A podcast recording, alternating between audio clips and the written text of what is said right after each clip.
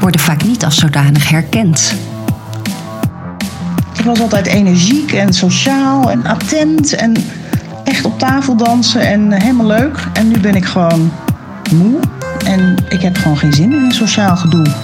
Ik had ook enorme last van zenuwen. Dus eh, zeg maar het gevoel dat je een podium op moet en een speech moet gaan geven voor duizend man. En dat dan de hele dag door. Ik kreeg echt zo'n uh, foggy brain dat ik op, van de ene op de andere dag niet meer kon lezen. Dat wil zeggen, ik kon wel lezen. Ik kon wel uh, gewoon zien wat er stond of zo. Maar ik kon niet focussen. Kramp op mijn borst. Het doet ineens echt zeer. En dan ineens moet ik naar adem snakken. Ik ben Suzanne Rettans en ik wil het hebben over die zoektocht. Over de implicaties voor werk en gezin. En ik wil het hebben over oplossingen, want die zijn er. Welkom bij de podcast We zijn toen niet gek?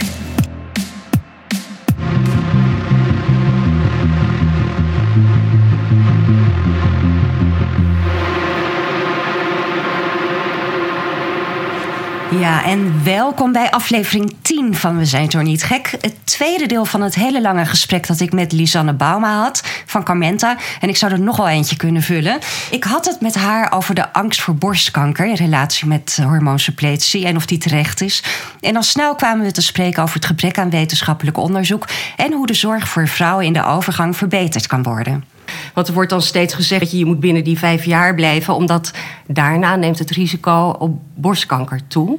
Ja. Um, of dat waar is? Ja, is, klopt dat? Nou, dat is denk ik niet uh, uh, keihard wetenschappelijk bewezen. Mhm. Mm -hmm. Het is wel zo dat in de grote studies die er gedaan zijn, uh, met name die studies in Amerika, dat je wel zag dat in de groep die hormoonsubstitutie gebruikte, na vijf jaar vaker borstkanker werd, werd vastgesteld. Maar dat is een groep geweest die denk ik totaal niet representatief is. Ten eerste waren het uh, uh, Amerikanen. Ten tweede waren het verpleegkundigen. Uh, voor de grootste groep. Hè. Dus de, um, en um, de belangrijke factoren die bepalen of je borstkanker krijgt, dat is um, je voedingspatroon, je overgewicht. En um, uh, avond- en nachtdiensten en onregelmatig uh, uh, heeft ook een invloed op borstkanker. Dus die hele groep die was gewoon niet representatief nee. voor de groep waar we het in Nederland over hebben. En dat zijn vrouwen die eigenlijk al nou, ja, vanaf hun 45ste tot hun 55ste om, om, om hulp komen vragen. Mm -hmm. Dus de conclusies die getrokken zijn uit die grote studies, die eigenlijk uh, aanleiding hebben gegeven tot die vijf jaar, -hmm. ja, daar uh, uh, ben ik niet helemaal van overtuigd. Ja. Alleen, maar heb je het dan over de studie uit 2002 of van later nog? Ja, want die was natuurlijk helemaal. ik heb het eigenlijk over alle studies die tot nu toe gedaan zijn op dat Ja. gebied. Want die zijn eigenlijk niet representatief geweest voor onze Nederlandse populatie. En uh, het haalt ook nog eens een keer synthetische oestrogeensuppletie en bio-identieke oestrogeensuppletie door elkaar. Het is wel zo dat in mijn optiek het zo is dat als, je een, als wij een intake doen bij een patiënt, uh, dan kijken wij naar uh, het risicoprofiel van de individuele patiënt. Ja. Dus ik vraag een heleboel dingen en ik vraag hoe, ze, hoe, hoe jong ze waren toen ze begonnen met menstrueren, uh, hoe ze reageerden op pilgebruik, of ze kinderen hebben gekregen, ja of nee, of ze borstvoeding hebben gegeven, ja of nee, of ze een gezonde leefstijl hebben, hoe zwaar ze zijn, wat voor beroep ze hebben en ook in zijn algemeen doe ik dus een soort ja, borstkankerrisicocalculator invullen. Mm -hmm. Het zij in mijn hoofd, het zij in de, in de daadwerkelijke risicocalculator, die er overigens is. Mm -hmm. um, en dan ga ik eigenlijk met die vrouw in kwestie het hebben over... nou, jouw risicoprofiel is niet zo heel hoog. zijn ze familiair belast? Heeft hun moeder borstkanker gehad? Op welke leeftijd kwam hun moeder in de overgang? En eigenlijk individueel, dus niet in grote groepen, zeg ik: oké, maar hier zit iemand voor me met een gezonde leefstijl. Die heeft uh, drie kinderen gebaard, borstvoeding gegeven. Dat zijn allemaal plussen. Mm -hmm. En hier zijn minnen. Ja. Die kunnen er ook zijn. En waarom zijn dat plussen als je borstvoeding hebt gegeven? En Omdat je kinderen? borsten dan gebruikt hebt waar ze biologisch voor bedoeld zijn. borstvoeding geven. Ja. Daar zijn je borsten voor bedoeld. Ja. We zijn gewoon beesten. We zijn gewoon Ja. biologische mensen. Maar en dat verkleint, eh, verkleint dat- verkleint je risico op borstkanker. Oh ja? Ja. Oké. Als je een nullipara bent, Mhm. dus je hebt nooit een kind gebaard, je hebt overgewicht. Mhm. eh, nullipara betekent ook dat je geen borstvoeding hebt gegeven. Mhm. Eh, dan heb je een hoger borstkankerrisico dan een vrouw die haar lichaam eh, gebruikt heeft waar het biologisch voor bedoeld was. Ja. Ik heb het niet over ethisch en of het wel of niet moet om kind te krijgen, of je wel of niet voor je kinderen hebt gehouden, maar Nee. puur alleen waar is je lichaam voor bedoeld? Nou, je lichaam is bedoeld om eh, in principe eh, gezond te blijven, Mhm. maar een vrouw eh, is bedoeld om een kind te baren en een man is bedoeld om zaad Ja. te produceren. Ja. Zo simpel is het eigenlijk. Mhm. Maar zo simpel willen we het niet zien. Ja. Ja, maar ik begrijp dan alleen niet, of- dus als je dat niet dan op die manier hebt gebruikt, dat, dat daar, waardoor ontstaat die kanker dan? Of is er dan iets niet aangezet? Of, of, ehm, En kanker is in zijn algemeenheid ehm, een eh, ouderdomsverschijnsel. ja. Daar kun je heel simpel zijn, over zijn. Dus de meeste kanker ontstaat pas later in je leven. Ja. En als je ehm, eh, in die zin ehm, eh, gezond geleefdheid, niet te zwaar geweest bent en je hebt je organen inderdaad gebruikt voor Mhm. het doel, dan is dat een bewezen bescherming. Ja, ja. En of jij het begrijpt of niet, Ja. dat komt wel uit wetenschappelijk onderzoek Ja. naar voren. Ja. Als je in Japan geboren bent en je hebt je hele leven ben je eh, relatief mager geweest, je hebt kinderen gekregen en veel sojaproducten gegeten, dan je, heb je ook een lager borstkankerrisico. Emigreer je naar Amerika, ga je daar dikker worden en hamburgers eten, dan neem je het borstkankerrisico over van de Amerikanen met hun Amerikaanse dieet. Ja. Dus er is een deel wat DNA is, Mhm. wat genetisch is, Mhm. en een groter deel wat je zelf doet. Ja, ja. En is het dan zo dat, dat als je oestrogenen toe gaat voegen, dat, dat je daarmee het risico vergroot? Nee, dat denk ik niet. Ik denk dat je alleen de tijdsduur Mhm. waarin je expositie hebt aan oestrogenen, Mhm. dat je die verlengt.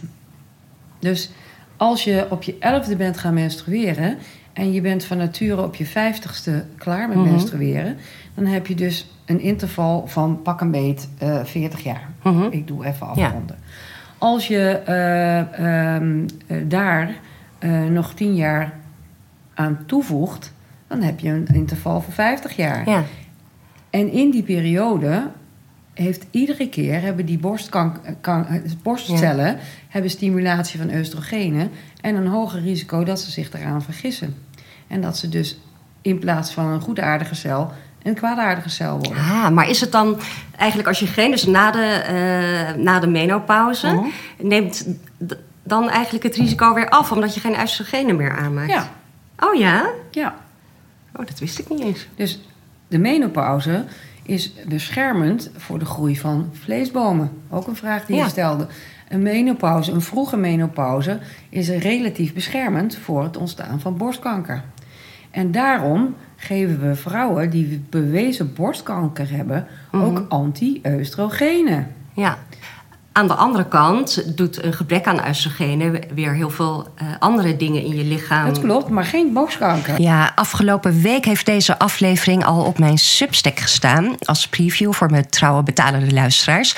En daar is wat commotie ontstaan. Want het lijkt nu alsof mevrouw Bauma zegt dat door hormoonsuppletie de kans op borstkanker groter wordt.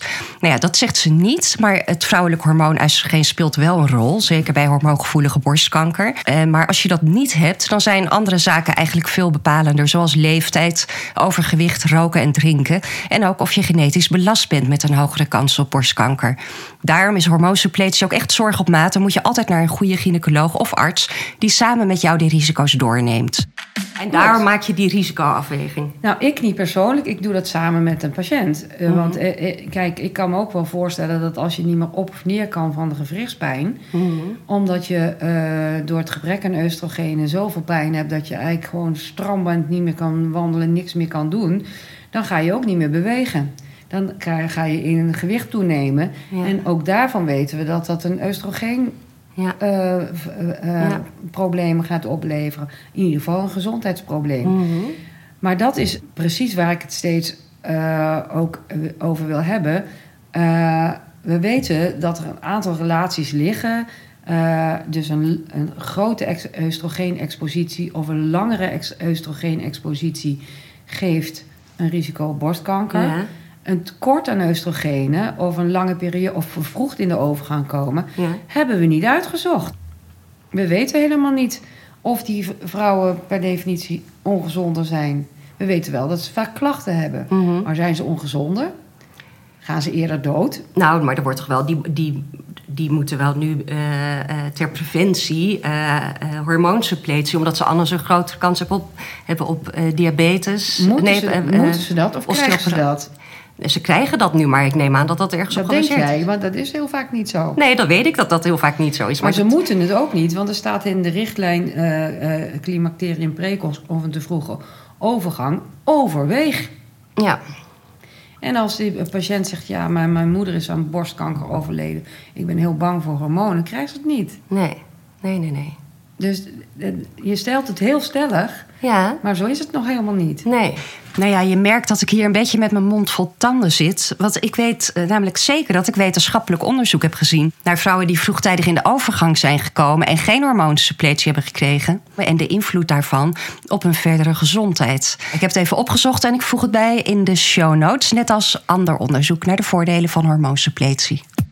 En ik denk zelf dat als we tien jaar verder zijn, misschien wel twintig jaar verder zijn, en we hebben een relatief overtuigend bewijs dat je vrouwen eigenlijk gewoon veel, veel bij wijze van spreken, veel later Mhm, in de overgang moet laten komen. mhm, Dat je dus eigenlijk bewijs van van 45 mhm. tot, nou pak maar, ik doe het even heel eh, ideologisch, ruim 65, gewoon oestrogenen moet blijven geven. Ja, Ehm, dan zou het eh, eh, best kunnen zijn dat we in zijn algemeenheid gezonder blijven.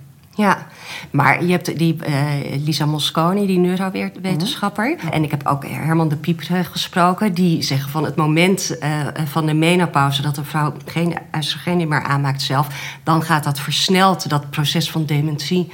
eh, ehm, gaat, gaat versneld eh, aan de gang. En, Ja. en ook met osteoporose, met de botdichtheid. Eh, daarvoor is het heel belangrijk. Dus als je al op je 35ste vervroegd in de overgang komt... door wat voor reden dan ook... Ja. eh, Maar het is precies wat je maar zegt. door Renna van Dijk zei, die, die moeten hormoonsuppletie. Ja. Maar ik weet van, van een aantal die, die hebben dat nooit aangeboden Precies, gekregen. dat is Ja. het grote probleem. Ja. Ze krijgen het niet aangeboden en als je het niet weet, dan, en, en dan Nee. gebeurt het dus niet. Ja. Maar waar het mij om gaat, is dat je, je poneert het al als een, als Nee, een maar- waarheid, maar het is gewoon nog Nee, niet onderzocht. Het is wel aannemelijk. Ik vind het ook heel aannemelijk dat als je iemand sneller laat verouderen, Ja. doordat de oestrogenen eh, en de progestogenen en, de- en de testosteronval, dat ze eerder ten prooi komen aan ouderdomsklachten. Ja, Maar zal een conservatieve eh, dokter zeggen: is het dan beter om ze hormonen te geven? Weet jij dat al zeker? Heb je dat Mhm. al onderzocht? Mhm. En het antwoord is simpelweg nee. Het is niet onderzocht. En je Nee? kan. Nee. Het is niet onderzocht. Niet op een manier zoals dat eh, eh, eigenlijk hoort. nee, Vind ik dat eh, een reden om dus mijn patiënten niet te behandelen? Ook niet. nee. Dus ik blijf ze helpen en ik ga ook op hun klachten af. Maar wat ik lastig vind, is dat als je heel erg, ja, zeg maar bijna als een soort missie gaat zeggen. Ja, dat het niemand, niemand is. moet stoppen met, eh, als iemand eh, geen eigen hormoon heeft, Mhm. dan moeten we maar, ehm, zeg maar, hormoonsubstitutie Mhm. inzetten. Want anders dan heb je bewezen klachten van osteoporose, bewezen Mhm. kans op Alzheimer, bewezen kans op hart- en vaatziekten of toename Mhm. daarvan. Ja, dat kan je eigenlijk gewoon nog niet hard maken. Maar goed, als, als iemand als Dorenda van Dijken... eh, en ook de Rinda van Dijken kan het niet hard maken. Want we hebben eh laatst maar die een- is heel voorzichtig. eh, je- heel moet voorzichtig, echt honderdduizend... kan het nog steeds niet Nee, hard maken. nee, nee. En dat wil nog niet zeggen dat je mensen dus nu niet moet Mhm. behandelen. Want dan zeg je, eh, ja, dan, dan, dan ontkent je het hele, hele probleem. Maar wat veel beter zou zijn, is als we eh, als vrouwen in zijn algemeenheid eens een keer zouden opstaan en zeggen... maar we willen wel heel graag dat er onderzoek naar gedaan wordt. Mhm. Want ik ben ervan overtuigd dat het namelijk gunstig is. Ja. Maar ik kan het niet hard maken. Nee, nee, nee. En ik zou heel graag eh, En waarom is dat dan nog steeds niet onderzocht? altijd hetzelfde. Mhm. Er gaat heel veel geld naar eh, andere eh, Ja. ziektes. Ja, En er gaat heel veel geld naar mannenziektes. ja, De vrouwen komen er enigszins bekaaid af ja. als het gaat om eh, onderzoek. Terwijl volgens mij nu een derde van de wereldbevolking is, is, is perimenopausaal of postmenopausaal. En zolang je vasthoudt aan de eh, belachelijke stelling dat het een natuurlijk fenomeen is, Mhm. Dan eh, eh, eh, ga je dat ook niet onderzoeken. Nee. Je zegt het is een natuurlijk fenomeen, dus er is geen probleem. Ja. Dan ga je dus ook geen geld genereren om het goed te onderzoeken. Geldt ook vaak wel voor specialisten waar ik mee samenwerk. Je wil bijvoorbeeld niet weten hoeveel reumatologen inmiddels insturen. Mhm. Omdat ze mensen hebben met reumatoïde artritis of Ja. allerlei artroseklachten die ze helemaal niet meer kunnen behandelen.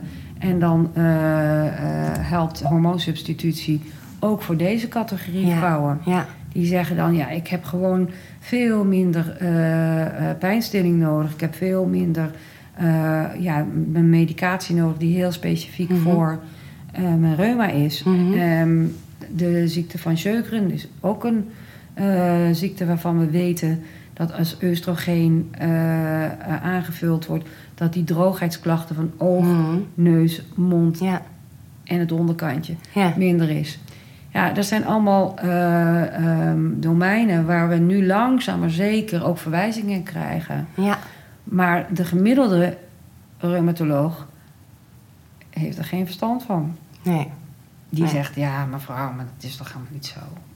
Ja, ja, Dus ja. er is nog heel erg veel te doen. Ja, Niet alleen huisartsen hebben soms eh, te weinig eh, verstand van eh, of kennis of voelen zich er niet zo lang bij. Hè? Laten we het, hè, soms hebben ze echt nog wel wat meegekregen of ge- geleerd, maar doen ze het zo weinig Mhm. dat ze zich er ook niet fijn bij voelen. Nee, nee. Maar dan denk ik wel, verwijs dan door. ja, Datzelfde geldt ook voor een reumatoloog. En Mhm. Ja, eh, de, uh, de Sjögren-specialisten. Dus verwijs dan door. ja. En wat is dan die link met de longembolie? Want, want je- Ja, de longmolie is net als, eh, als eh, eh, een trombosebeen, een bloedprop, Ja, die in je longvaten gaat zitten. En eh, ehm, je- eh, ik denk zelf dat transdermale eh, hormonen, dus via de huid, Mhm.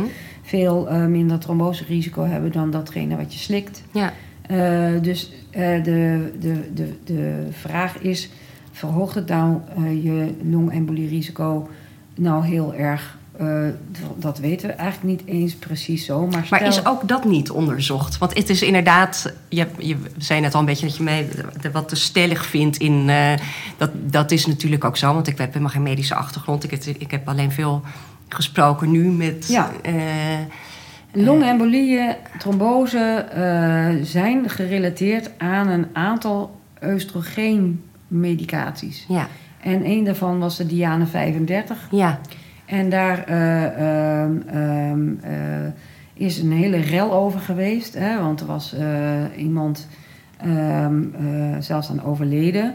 En dan eh, wordt er gezegd... ja, maar die oestrogeencomponent in die pil was ook veel te hoog. ja. Eh, maar dat is natuurlijk maar de halve waarheid. Mhm. Want er zijn, eh, ik wil niet zeggen, eh, duizenden vrouwen geweest die de Diane 35 ook geslikt hebben. Maar die hebben ook geen longembolie gekregen. Dus er is altijd een risico met schommelingen of trombose of, of oestrogeenhoogtes. ja. ehm, die je risico op trombose bepalen. In je zwangerschap heb je een verhoogd risico op Mhm. trombose. En ook een verhoogd risico op longembolie. Daar hebben we het nooit over. Nee. Als je IVF krijgt en je eierstokken tot topproductie worden gebracht... en je 20 eitjes tegelijkertijd aanmaakt... Ja. die ook allemaal oestrogenen produceren... heb je ook een verhoogd risico op Ja. trombose en op longembolie. Ja. Alleen, dan hebben we het mooie getal 50. Zodra je ouder wordt dan 50, en sommige conservatieve dokters zeggen al 45, dan stijgt je risico op alle vormen van trombose. Ja. Longembolie is daar een onderdeel van. Ja. Maar een CVA is er ook een onderdeel van. Dus al die vormen worden Eigenlijk erger sowieso. als je leeftijd toeneemt. Ja. Los van het oestrogeengebruik. Sowieso. Ja. Dus als je ouder wordt, worden je vaten minder soepel, Mhm. stijver, Mhm. plaks. En je risico op trombose wordt dan groter. Dus wat is dus de gedachte? Nou, op je vijftigste kom je misschien wel van nature in de overgang. Mhm. En jouw eh, hart- en vaatstelsel is starder en gevoeliger voor trombose. Nou, dan moeten we dat maar zo laten. En als je dat hormoonsubstitutie gaat gebruiken, Mhm. dan ga je weer terug naar je Ja, ja. jonge vrouwen oestrogeengehalte. Terwijl je bloedvaten niet veranderen. Nou, die blijven soepel dan, dan toch? Nee, als je meteen start. Ja. Maar als je dat niet doet Ja. en je gaat van de perimenopauze gewoon in de overgang, je hebt niet zoveel klachten Ja. en je komt pas later bij de dokter Ja. om eh, hormoonsubstitutie. Ja, maar zeg jij dan eigenlijk dat het voor, voor alle vrouwen eh, wel goed zou zijn als ze op tijd zouden beginnen met. Ja, dat denk ik eigenlijk wel. Ja, Maar als je aan mij vraagt, eh, waar staat dat dan in het wetenschappelijke eh, Ja. onderzoek, dan is dat niet onderzocht. nee. Want we hebben niet gezegd, oké, eh, we gaan nu een vrouw, we gaan nu een hele lange follow-up doen. En we Ja. nemen deze vrouwen en die, die zien we hormonaal al veranderen op hun Mhm. 42ste. Vanaf hun 42ste gaan we ze keurig Ja. hormoonsubstitutie geven. En dan laten we eens kijken hoe ze op al die facetten eh, scoren. Op Mhm. eh, botontkalking, op eh, hart- en vaatziekten en op Alzheimer. En we vergelijken dat met een populatie Mhm. waar we niks doen. Ja. Dat is niet gedaan. Dus En dan meer je logisch ook- nadenken je- eigenlijk. Ja, logisch nadenken is geen eh, eh, wetenschappelijk of doktersverhaal. Nee. Want logisch nadenken, dat, Ja. dat Maar moet, goed, dat moet je ook wel aantonen. Ja. Het is waarschijnlijk wel aannemelijk. Ja. Want eh, veroudering eh, maakt eh, eh, eh, ehm, ons niet beter. Mhm. Maar kan je het aantonen? Ja. Nou, daar heb je tenminste 10 of 15 jaar voor nodig. Ja. Ja. Ja? Maar ja, dan, je kunt ook niet al die vrouwen dit onthouden, omdat er nog steeds geen, geen onderzoek is Nee, gedaan. maar dat zeg ik ook niet. Nee. Ik zeg dat kan je dus ook niet doen. Dus je Nee. moet die mensen gewoon helpen zoals het, zoals het weten- wetenschappelijk er nu voor ligt. Ja. Maar het zou wel goed zijn Mhm. Als, dat, zouden onder- doen. Ja. Ja.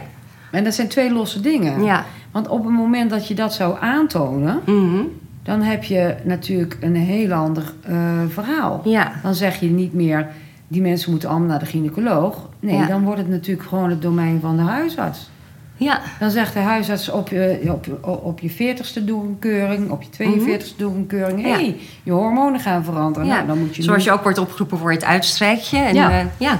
Maar daar, dat gaat dan een immense hoeveelheid ehm, eh, geld, inzet en eh, kosten. En daarvan zegt op dit moment, nou ja, de zorgverzekeraar zeker, Mhm. maar misschien ook wel mensen die verstand hebben van eh, de zorg in Nederland.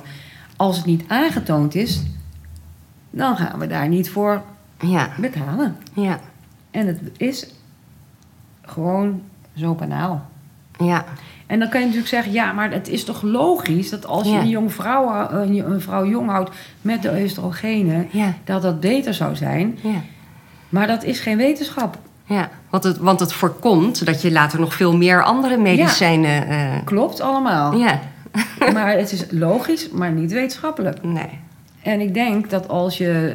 eh, Is het niet heel frustrerend? Super. Ja. Super. Ik zou het liefst eh, eh, het, eh, 48 uur in mijn dag hebben en 14 dagen in de week.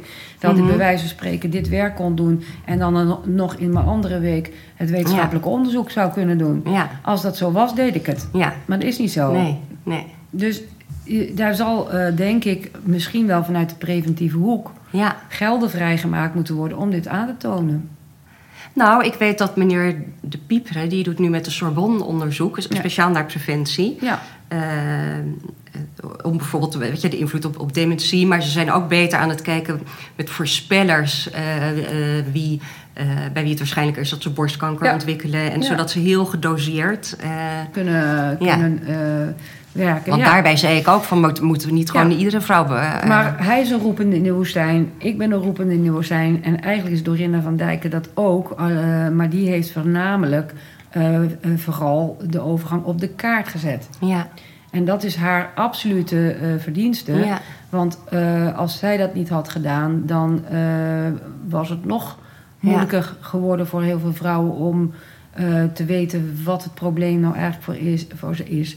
Maar ehm, eh, waar jij het nu over hebt, dat, dat onderzoek, ja, dat is wel heel veelomvattend. mhm. En dat gaat niet zomaar door één dokter of door één Nee. universiteit gedaan worden. Nee. Nee, maar goed, maar ze zijn natuurlijk wel over de hele wereld, eh, lijkt Ja. mij daar wel. Ja, wa- was dat nou maar zo? Dat, eh, dat wij een onderzoek uit Amerika zomaar één op één zouden overnemen. Maar ook Nee? dat is niet waar. Nee, nee. Nee, als je kijkt naar eh, grote congressen, dan eindigt de gemiddelde presentatie. En daarom moeten we nog meer onderzoek doen. Dat is ongeveer het eind van alle, alle onderzoeken. Zou artificial intelligence niet, niet hier een enorme rol in kunnen spelen? Als die al die, zeg maar, de echte grote, goede onderzoeken met elkaar zou vergelijken. En, en, eh, Nou, ik denk wel dat er eh, eh, een boel eh, ehm, loopwerk gedaan kan worden door arti- artificial intelligence. Maar ik ben nog niet helemaal overtuigd dat, ze, ehm, dat het op het niveau is dat ze ehm, eh, visionair bezig kunnen zijn. Nee, nee. dat je daar toch echt mensen voor nodig hebt. ja. Eh, en ehm, ehm, heel Maar eerlijk... het, het ehm, combineren van, van gegevens. Ja, dat zou eh, wel, wel enigszins helpen. Ik, Waar Mhm. ik heel erg ja, van schrik altijd... is dat in bijvoorbeeld Anglo-Saxische landen... al die ziekenhuizen allemaal nog apart hun onderzoekjes doen. Mhm. In Nederland hebben we tenminste gelukkig... eh, ehm, als gynaecologen Mhm. een, een echt platform eh, gemaakt... waarbij Mhm. we ehm, ehm, wat ze dan noemen multicenter trials... Dus meerdere ziekenhuizen die verzamelen allemaal hun gegevens en Ja. die komen allemaal centraal Ja. in één eh, Database. eh, database terecht. Maar ik kan je vertellen dat dat voor de chirurgie al niet geldt en voor een heleboel andere vakgebieden ook niet. Ja. Dus het, ja, dat, het, het, is, eh, het is idealistisch nog niet eh, te verwachten Nee. dat we eh, binnen nu en het einde van mijn carrière Mhm. een antwoord gaan hebben op de vraag die je me stelde. Mhm. Moeten we vrouwen niet gewoon, zeg maar, tot hun eh 55ste, 60ste eh, gewoon aan de, of misschien wel 65, aan de hormoonsubstitutie Mhm. zetten? Ja. Maar dan ga ik nog veel eh, verder. Eh, misschien moeten we wel eh, ehm, ovariumweefsel gaan kweken. Mhm. En eh, dat we helemaal geen medicatie meer gaan geven. Mhm. Maar dat we gewoon als je eigen eierstokken ermee ophouden. Mhm. al een mooi nieuwe eierstok gecreëerd hebben van jouw eigen DNA Ja. in een laboratorium. En dan, dan terug in jouw lichaam plaatsen. Ja. We denken te beperkt. Ja. Want als wij in staat zijn straks om werkende weefsels te maken die, eierstok, die eierstokhormonen produceren, die van jouw eigen DNA zijn, Ja. waarom niet? Ja. Wat, wat een interessante gedachte. Ja, maar Ja. daar zijn we nog helemaal Nee, daar zijn we helemaal niet. Nee, we nee, nee. weten wel bijvoorbeeld dat vrouwen die eh, eh, om wat voor reden dan ook eh, hun baarmoeder en hun eierstokken hebben eh, moeten inleveren. Mhm. Eh, daar is wel op heel beperkte schaal eh, geprobeerd om een eierstok te sparen. Ja. En die hebben ze dan ehm, eh, weer aangesloten op andere bloedvaten en in dat lichaam gelaten. Ja, ja, ja. En die, hebben- die, dat werkt nog een tijdje. Ja, ja, ja. Dus ja, Maar waarom, als je dit... En we hebben nu dan de hormoonsubstitutie mogelijkheid. Ja. Waarom daar überhaupt mee stoppen? Met, eh, met, met de medicatie. Ja. Omdat dat toch. eh, ehm, eh, iedereen zegt dat bio-identieke hormonen zijn natuurlijke hormonen, toch, dokter? En dan zeg ik nee. Die worden net zo goed in de fabriek Mhm. gemaakt. Die hebben net zo goed hulpstoffen. Er zit net zo goed een risico op productiefouten in. Mhm. Als het je eigen weefsels zouden zijn, Ja. zou dat denk ik beter zijn. Ja, ja, ja zeker. Maar dat is wel heel visionair. Daar zijn we nog echt lang niet. Nee. Maar je moet je realiseren dat we- vrouwen eh, komen nou eenmaal eerder in het verouderingsproces terecht dan mannen. Mhm. En waar je soms ook over na zou kunnen denken, is waarom moeten wij dan ook tot ons 65 te werken? Mhm. Waarom zouden we niet bij wijze van spreken eh, eh, maatschappelijk gezien eerder Mhm. met pensioen mogen gaan? Ja. Of kunnen gaan. En dan heb ik het ook over financiën. Ehm, want biologisch gezien, en dat vond je daarnet ook al heel lastig... Mhm. toen ik het over je borsten... Mhm. eh, eh, als die gebruikt zijn waar je lichaam voor bedoeld is... naar een Mhm. borstvoeding geven. Mhm. Maar biologisch gezien zijn wij niet gemaakt om zo oud te worden. Nee. Biologisch gezien zouden we eh, tussen ons 45ste en ons 50ste vroeger Ja. doodgegaan ja. zijn. Ja. Mhm. Dus de overgang is weliswaar een natuurlijk proces, maar de lengte Ja. waarin wij er last Ja. van hebben, komt omdat we zo ongelooflijk lang mogen leven. Ja. En dus zullen we al onze eh, vernuft en innovatieve eh, capaciteiten ehm, in moeten zetten Mhm. om daar misschien een stukje kwaliteit van leven aan vast te plakken. En of dat nou betere hormoonsubstitutiepreparaten zijn, Mhm. of misschien zelfs transplantatie van ons eigen gemaakt weefsel. Het maakt me niet uit, hè? de sky is the limit. Mhm. Maar wel voor de jonge Ja. eh, wetenschapper en de jonge dokter. Ja. Ja, ja, ja. ik zeker. ga voorlopig door met patiënten helpen. en Ja. eh, eh, patiënten ehm, ehm, ja, zo, zo, zo goed mogelijk in balans weten te houden. Eh, maar ik loop wel alle ehm, ja, eh, congressen en, en, en, en symposia af waar ze eh, over dit soort dingen nadenken. Ja. Er moet gewoon beter naar vrouwen geluisterd worden, meer onderzoek gedaan worden en er moet meer geld geze- ge- ge- ge- gespendeerd worden aan vrouwen gezond houden van hun 42ste tot hun 82ste. Ja. Dat zou mijn eh, hele idee zijn. Ja. En eh, dat is denk ik ook waarom we Kamenten opgezet hebben. Ja. Om daar meer mogelijkheden te geven. Maar ja, ehm, er zijn eh, meer mensen in Nederland die daar al ja, hun schouders onder zetten. Nora Hendricks is ook iemand die daar volgens mij al een hele tijd Mhm. mee bezig is. Ja, maar dat zijn allemaal mensen die toch ja, een beetje voorlopers zijn of roepende in de woestijn. Maar net hoe negatief je dat beziet. Ja. Maar ja, de, de, de- het gaat het probleem van die hele grote groep vrouwen die Ja. nu eh, gaat komen, Ja. eh, niet helemaal dekken, nee. Nee. Nou ja, ik moet in ieder geval proberen zoveel mogelijk Nou, kennis, rugbaar... Ja, kennis, kennis delen, maar ja, wat ik al zei, eh, liefst eh, eh, in samenwerking met een, eh, met een professional. Ja. Eh, niet omdat ik vind dat vrouwen niet voor zichzelf kunnen denken, of niet voor zichzelf kunnen opkomen, of niet eh, eh, hun eigen kracht Mhm. mogen hebben. Maar dit is best een ingewikkeld spelletje. Ja. Ja. En, Ja. en als je straks toch een, een bijwerking of een, bijverschijnsel of zelfs een aandoening oploopt door hormoonsubstitutie te gebruiken, dan ook vind ik dat je terug moet komen, kunnen komen bij die dokter en het kunnen bespreken. Ja. En ook dat geldt. Ja. Ja. Ja. Eh, Doe je het helemaal zelf, Ja. zijn de consequenties uiteindelijk ook voor jezelf. En Ja. dat wil je niet. Nee. Nee. Nee. Ik ken heel weinig patiënten die diabetes zijn, die op eigen houtje met hun insuline aan de gang gaan. Nee.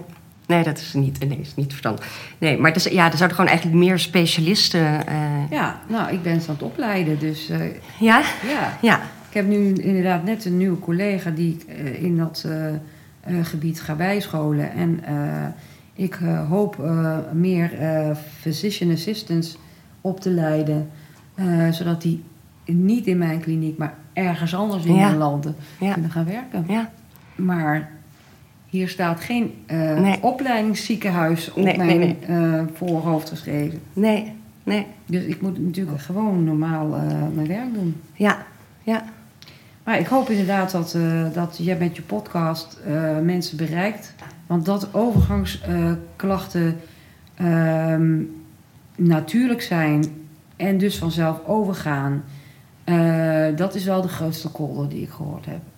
Ik zeg altijd tegen mensen: eh, de orkaan Irma is ook een natuurverschijnsel, Mhm. maar wel verschrikkelijk destructief. Ja, Dus daar moet je natuurlijk niet mee akkoord gaan. Nee. Als je huisarts zegt het is natuurlijk, daar gaat het vanzelf over. Wen er maar aan. Dan moet je gewoon zeggen, de hu- beste huisarts, vanaf nu kom ik één keer per week bij je langs. En één keer per week kom ik vragen om een verwijzing. ja, Hoe lang gaan we dit volhouden? ja. Ja. Ja, want ze weigeren inderdaad soms ook gewoon de verwijzing. Ja. Het is heel ideaal. Ja, dat moet dan natuurlijk gewoon van huisarts wisselen, lijkt mij. Maar Ja, het is ook niet zo makkelijk, want het Nee. is ook allemaal weer postcode gerelateerd. ja, Maar ik denk altijd, eh, we zijn eh, vrouwen, we zijn slim, inventief. Ja. Ehm, ja, wat ik ook af en toe heb, is dat eh, ik een patiënt heb die gewoon op eigen kosten komt. De eerste keer dat consult betaalt. ja. En dan vervolgens van mij een brief krijgt van, naar de Ja. huisarts. Waarin ik zeg, beste huisarts, geachte collega. En dan leg ik uit wat er allemaal speelt bij die mevrouw. Wat ik ontdekt heb in bloedonderzoek. En dat het mijn professionele opinie is dat deze mevrouw behandeld moet worden voor haar overgangsklachten. Ja. Nou, ik heb nog niet een collega ontmoet die dan niet als de sodemieter een verwijzing stuurt. ja, ja, ja, Zijn ze wel een beetje pissig. ja. Ja, dat mag. Ja. Althans. En dan zeg ik, niet Ja. op mij. Nee, nee, Je moet niet boos worden op mij. nee. Ja, maar nee, ja, Ja, luister. Ja, maar als alle mensen maar gewoon hun zorg gingen halen waar zij zin in hadden, dan is de gezondheidszorg in Nederland helemaal niet meer te betalen. Nou, dan denk ik altijd, ja, jongens, laat maar. Overgangsklachten zijn niet voor iedereen een probleem, eh, maar wel voor, voor een hele grote groep eh, vrouwen en die moeten we behandelen. ja, En ik denk, zolang wij eh, de normaalste zaak van de wereld vinden dat vrouwen tot hun 65ste vol in het leven staan, willen werken, sporten, eh, voor hun ouder wordende ouders moeten zorgen, hun eh, puberende kinderen, CQ, eh, uit ga- huisgaande kinderen ook nog moeten begeleiden, met hun vriendinnen het leuk willen hebben. En oh ja, hun partner ook nog een beetje leuk blijven vinden. En in sommige gevallen met de hond eh, prettig omgaan. Ja, dan moeten we ze geen eh, eh, zorg ontnemen. Denk jij dat, dat overgangsconsulentes hier een grotere rol in kunnen spelen? Ehm, ik denk Je het hebt die. VVOC, die... die Ja, ik denk het wel, maar dan moeten ze wel ehm, een, een nauwe samenwerking hebben met een arts. ja, en ik heb zelf nu een physician assistant aangenomen. Dat is weer een andere functieachtig iets. Dat zijn mensen met een HBO-opleiding. eh, die in dit geval ook de eh, cursus overgangsconsulenten mhm. hebben gedaan. Maar die, hebben wel, eh, die werken wel altijd onder supervisie ja, van in dit geval Ja. onze gynaecologen, niet alleen Ja. van mij. Dus als die keer zelf een keer denkt van, oh, is dit wel oké? dan kan die zelf in haar eigen bereik een vraag stellen aan iemand die het antwoord daarop zou moeten weten. ja, En overgangsconsulenten zoals het nu georganiseerd is, zijn dat eigenlijk zelfstandigen die een cursus hebben gedaan. Overigens een goede cursus eh, in, in eh, volgens mij Rotterdam, de Bredero cursus. Die is heel breed, die is ook echt wel gedegen. Maar die vervolgens dan eh, eigenlijk als een eenling werken. mhm. Ehm, en dan zich met name overigens richten op eh, voedingsadviezen en leefstijladviezen. Eh, maar zodra het gaat om hormoonsubstitutie, kunnen ze het niet voorschrijven. nee, En heb ik ook wel een twijfel of ze het dus kunnen vervolgen en controleren. ja, ja, ja, ja.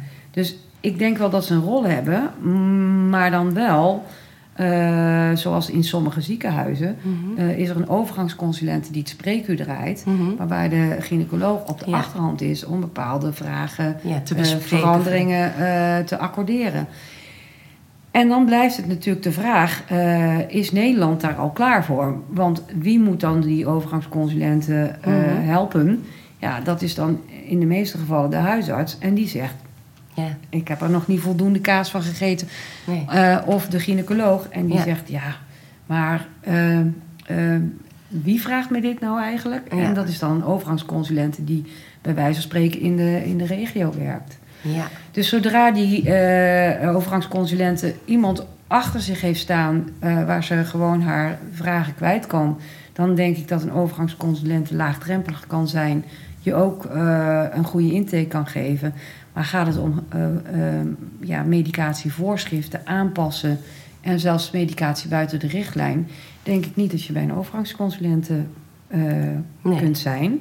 Maar dus eigenlijk zijn alleen gynaecologen gespecialiseerd in hormoonsuppletie zijn, Nou, hebben voldoende kennis. Ik zie wel dat er in, in huisartsenland heb je ook huisartsen die een bepaald extra aandachtsgebied hebben. Ja. Die heb je bijvoorbeeld voor de bekkenbodem en de verzakkingsklachten heb je die al. Mhm. Het zou denk ik een hele goede ehm, ehm, ontwikkeling zijn als de huisartsen zeggen van oké, we gaan eh, een aantal eh, huisartsen daarin doorscholen. En die moeten dan, of kunnen dan, eh, patiënten een gedegen intake geven. Of de supervisierol voor de overgangsconsulenten doen. Maar dat is een beweging die moet in de huisartsenwereld eh, gaan eh, ontstaan. Ja. En ik ben geen huisarts. Ik ben ook niet lid van de Landelijke Vereniging voor de Huisartsen. Dus ik kan alleen maar eh, bij ieder onderwijs wat ik aan huisartsen geef hier voor pleiten. Mhm. Maar zij zullen dat moeten doen. Moeten ze dat vanuit hen zelf komen? Omdat, Ja, dat is wat zij dan, daar een speciaal woord voor. mhm. Ik ben het even kwijt hoor. maar eh, dat zijn dan mensen die daar, daar meer eh, aandacht voor hebben. Ja. Dus dat betekent dat in grotere huisartsenpraktijken ehm, eh, patiënten die met deze klachten Ja. komen bij die ene huisarts terechtkomen. Ja. En patiënten die met bijvoorbeeld bij verzakkingsklachten bij die andere huisarts terechtkomen. Dus dat zou een beweging zijn. Lijkt mij heel logisch. Voor de grote groep overgangspatiënten enorm welkom zou zijn. En dan kun je bij wijze van spreken ook eh, in onze kliniek ingesteld worden Mhm. voor het grootste deel tevreden zijn. Mhm. En dan weer terug bij wijze van spreken naar de huisarts. Ja. Mits je één keer per jaar nog een keer komt bijpraten. Ja. Of zoals je zelf al noemde, opeens was ik toch Ja. helemaal van het padje af. En dan een lijntje hebben met Ja. de desbetreffende gynaecoloog. Ja, want het is heel prettig dat je dan gewoon daarnaar kunt bellen en zeggen: Ja. Ik weet niet wat er gebeurt, maar ik voel Ja. me zo en zo. En Ja. nou, diezelfde middag ging zij aan de telefoon Precies. om dat uit Ja. te vragen. En, Nou ja, het probleem is natuurlijk dat er eh, dan weer eh, wachtlijsten zijn. Hoe Ja. bereik je die gynaecoloog dan? Eh, kan dat per mail? Kan dat per app? Kan dat per... noem het maar. Mhm.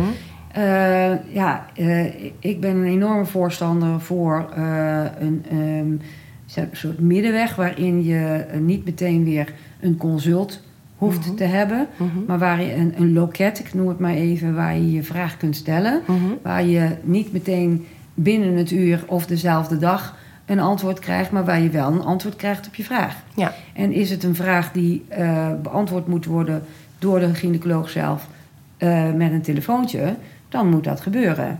Maar als het een andere, scheids- andere vraag is, die, eh, ik, ik krijg legio vragen waarvan ik denk, ja, dat, dit is gewoon het antwoord, ge- geef het maar Ja. door. Ja. Ja, dan, dan moet ik niet spreekuren hebben waar twintig telefoontjes aan vasthangen. nee, nee, nee. Dus wij zijn bezig met een eh, variant te creëren. We zijn er hard aan, aan, aan het werk.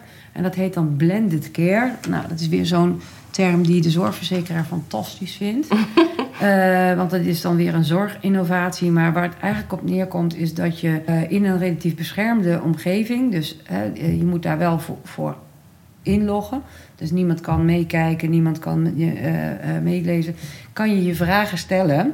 En die komen dan of bij onze physician assistant overgangs case manager terecht. En die legt ze bij de dokter neer die er het meest verstand van heeft. Ja. Dus als het een vraag is die meer PMS, PMDD gerelateerd is, dan komt die bij dokter Robert terecht. Mhm. En is het meer eh, een eh, vraag die meer in het bekkenbodemgebied terechtkomt, dan komt die eigenlijk weer bij mij terecht. Ja. En is het iets waar je echt even met elkaar over moet praten, eh, of er moet lichamelijk onderzoek gedaan worden, ja, dan hangt daar een consult aan vast. En ik heb nu al een aantal patiënten die zeggen: ja, maar ik kan toch ook mijn mail ik kan toch ook wel per mail doen. Mhm. Dan hoeft het toch niks te kosten. Ja.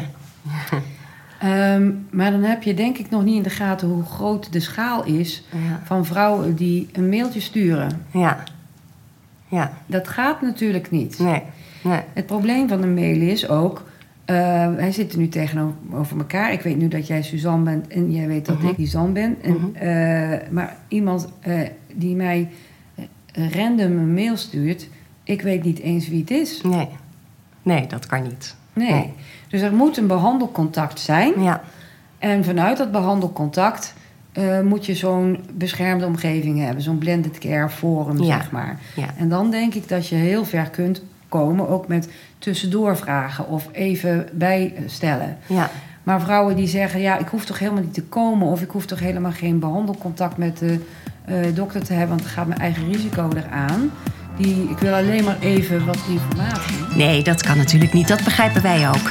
Dank Lisanne Bauma van Carmenta voor al die vergezichten. En ben je nou benieuwd naar al het research dat ik heb verzameld? Abonneer je dan op mijn Substack via suzannerettans.substack.com. Je kunt daar ook de volgende aflevering vaak al eerder luisteren dan de rest. En je steunt er ook deze podcast mee. Zie of hoor je iets dat niet klopt, laat het me dan vooral weten. Ik ben zelf geen arts, ik ben gewoon een vrouw in de overgang, net als jullie.